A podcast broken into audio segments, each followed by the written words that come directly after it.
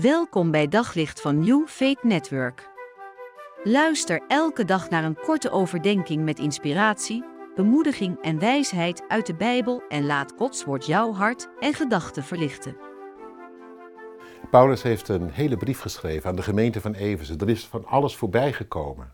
Wat God gedaan heeft in hun leven, hoe het er soms aan toe gaat, dat ze zomaar weer wegraken, aangespoord zijn om het vol te houden en nu een laatste woord. En dat laatste woord, dat is ook echt een woord wat ertoe doet. Hoor maar.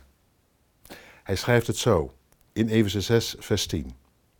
Verder, mijn broeders en zusters, wordt gesterkt in de Heer en in de sterkte van zijn macht. Hij zegt het als het ware dubbel op. Zorg dat je de kracht, de sterkte van God niet kwijtraakt. Wat bedoelt hij eigenlijk precies? Nou, de sterkte, de kracht van God is natuurlijk de kracht van zijn geest in jou.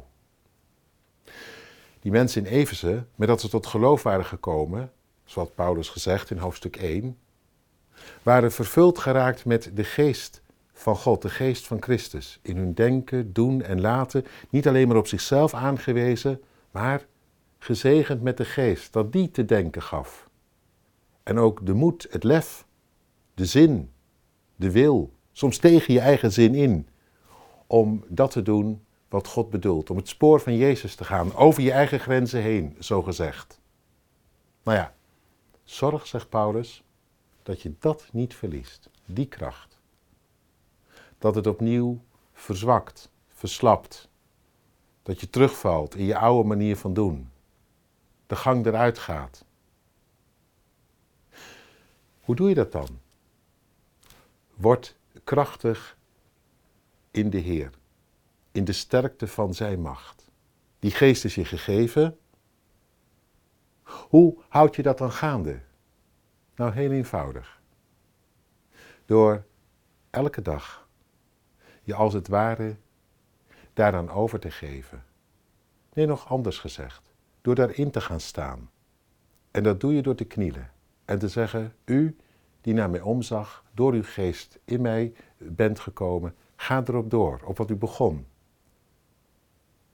En uh, ik wil u bidden. Laat het zo zijn dat u zelf het voor het zeggen hebt en voor het zeggen houdt. Uw kracht in mij. God, ik weet wie ik ben. Zwak. En soms zomaar ook een beetje laf. Een slappeling. Eén die verlamd kan raken door dit of dat. Alsjeblieft. De kracht van uw geest. Dat je daar op doorbidt. En daarin staat elke dag. Het staat heel mooi op een andere manier ook in de Bijbel. Zoals een rank blijft in de wijnstok.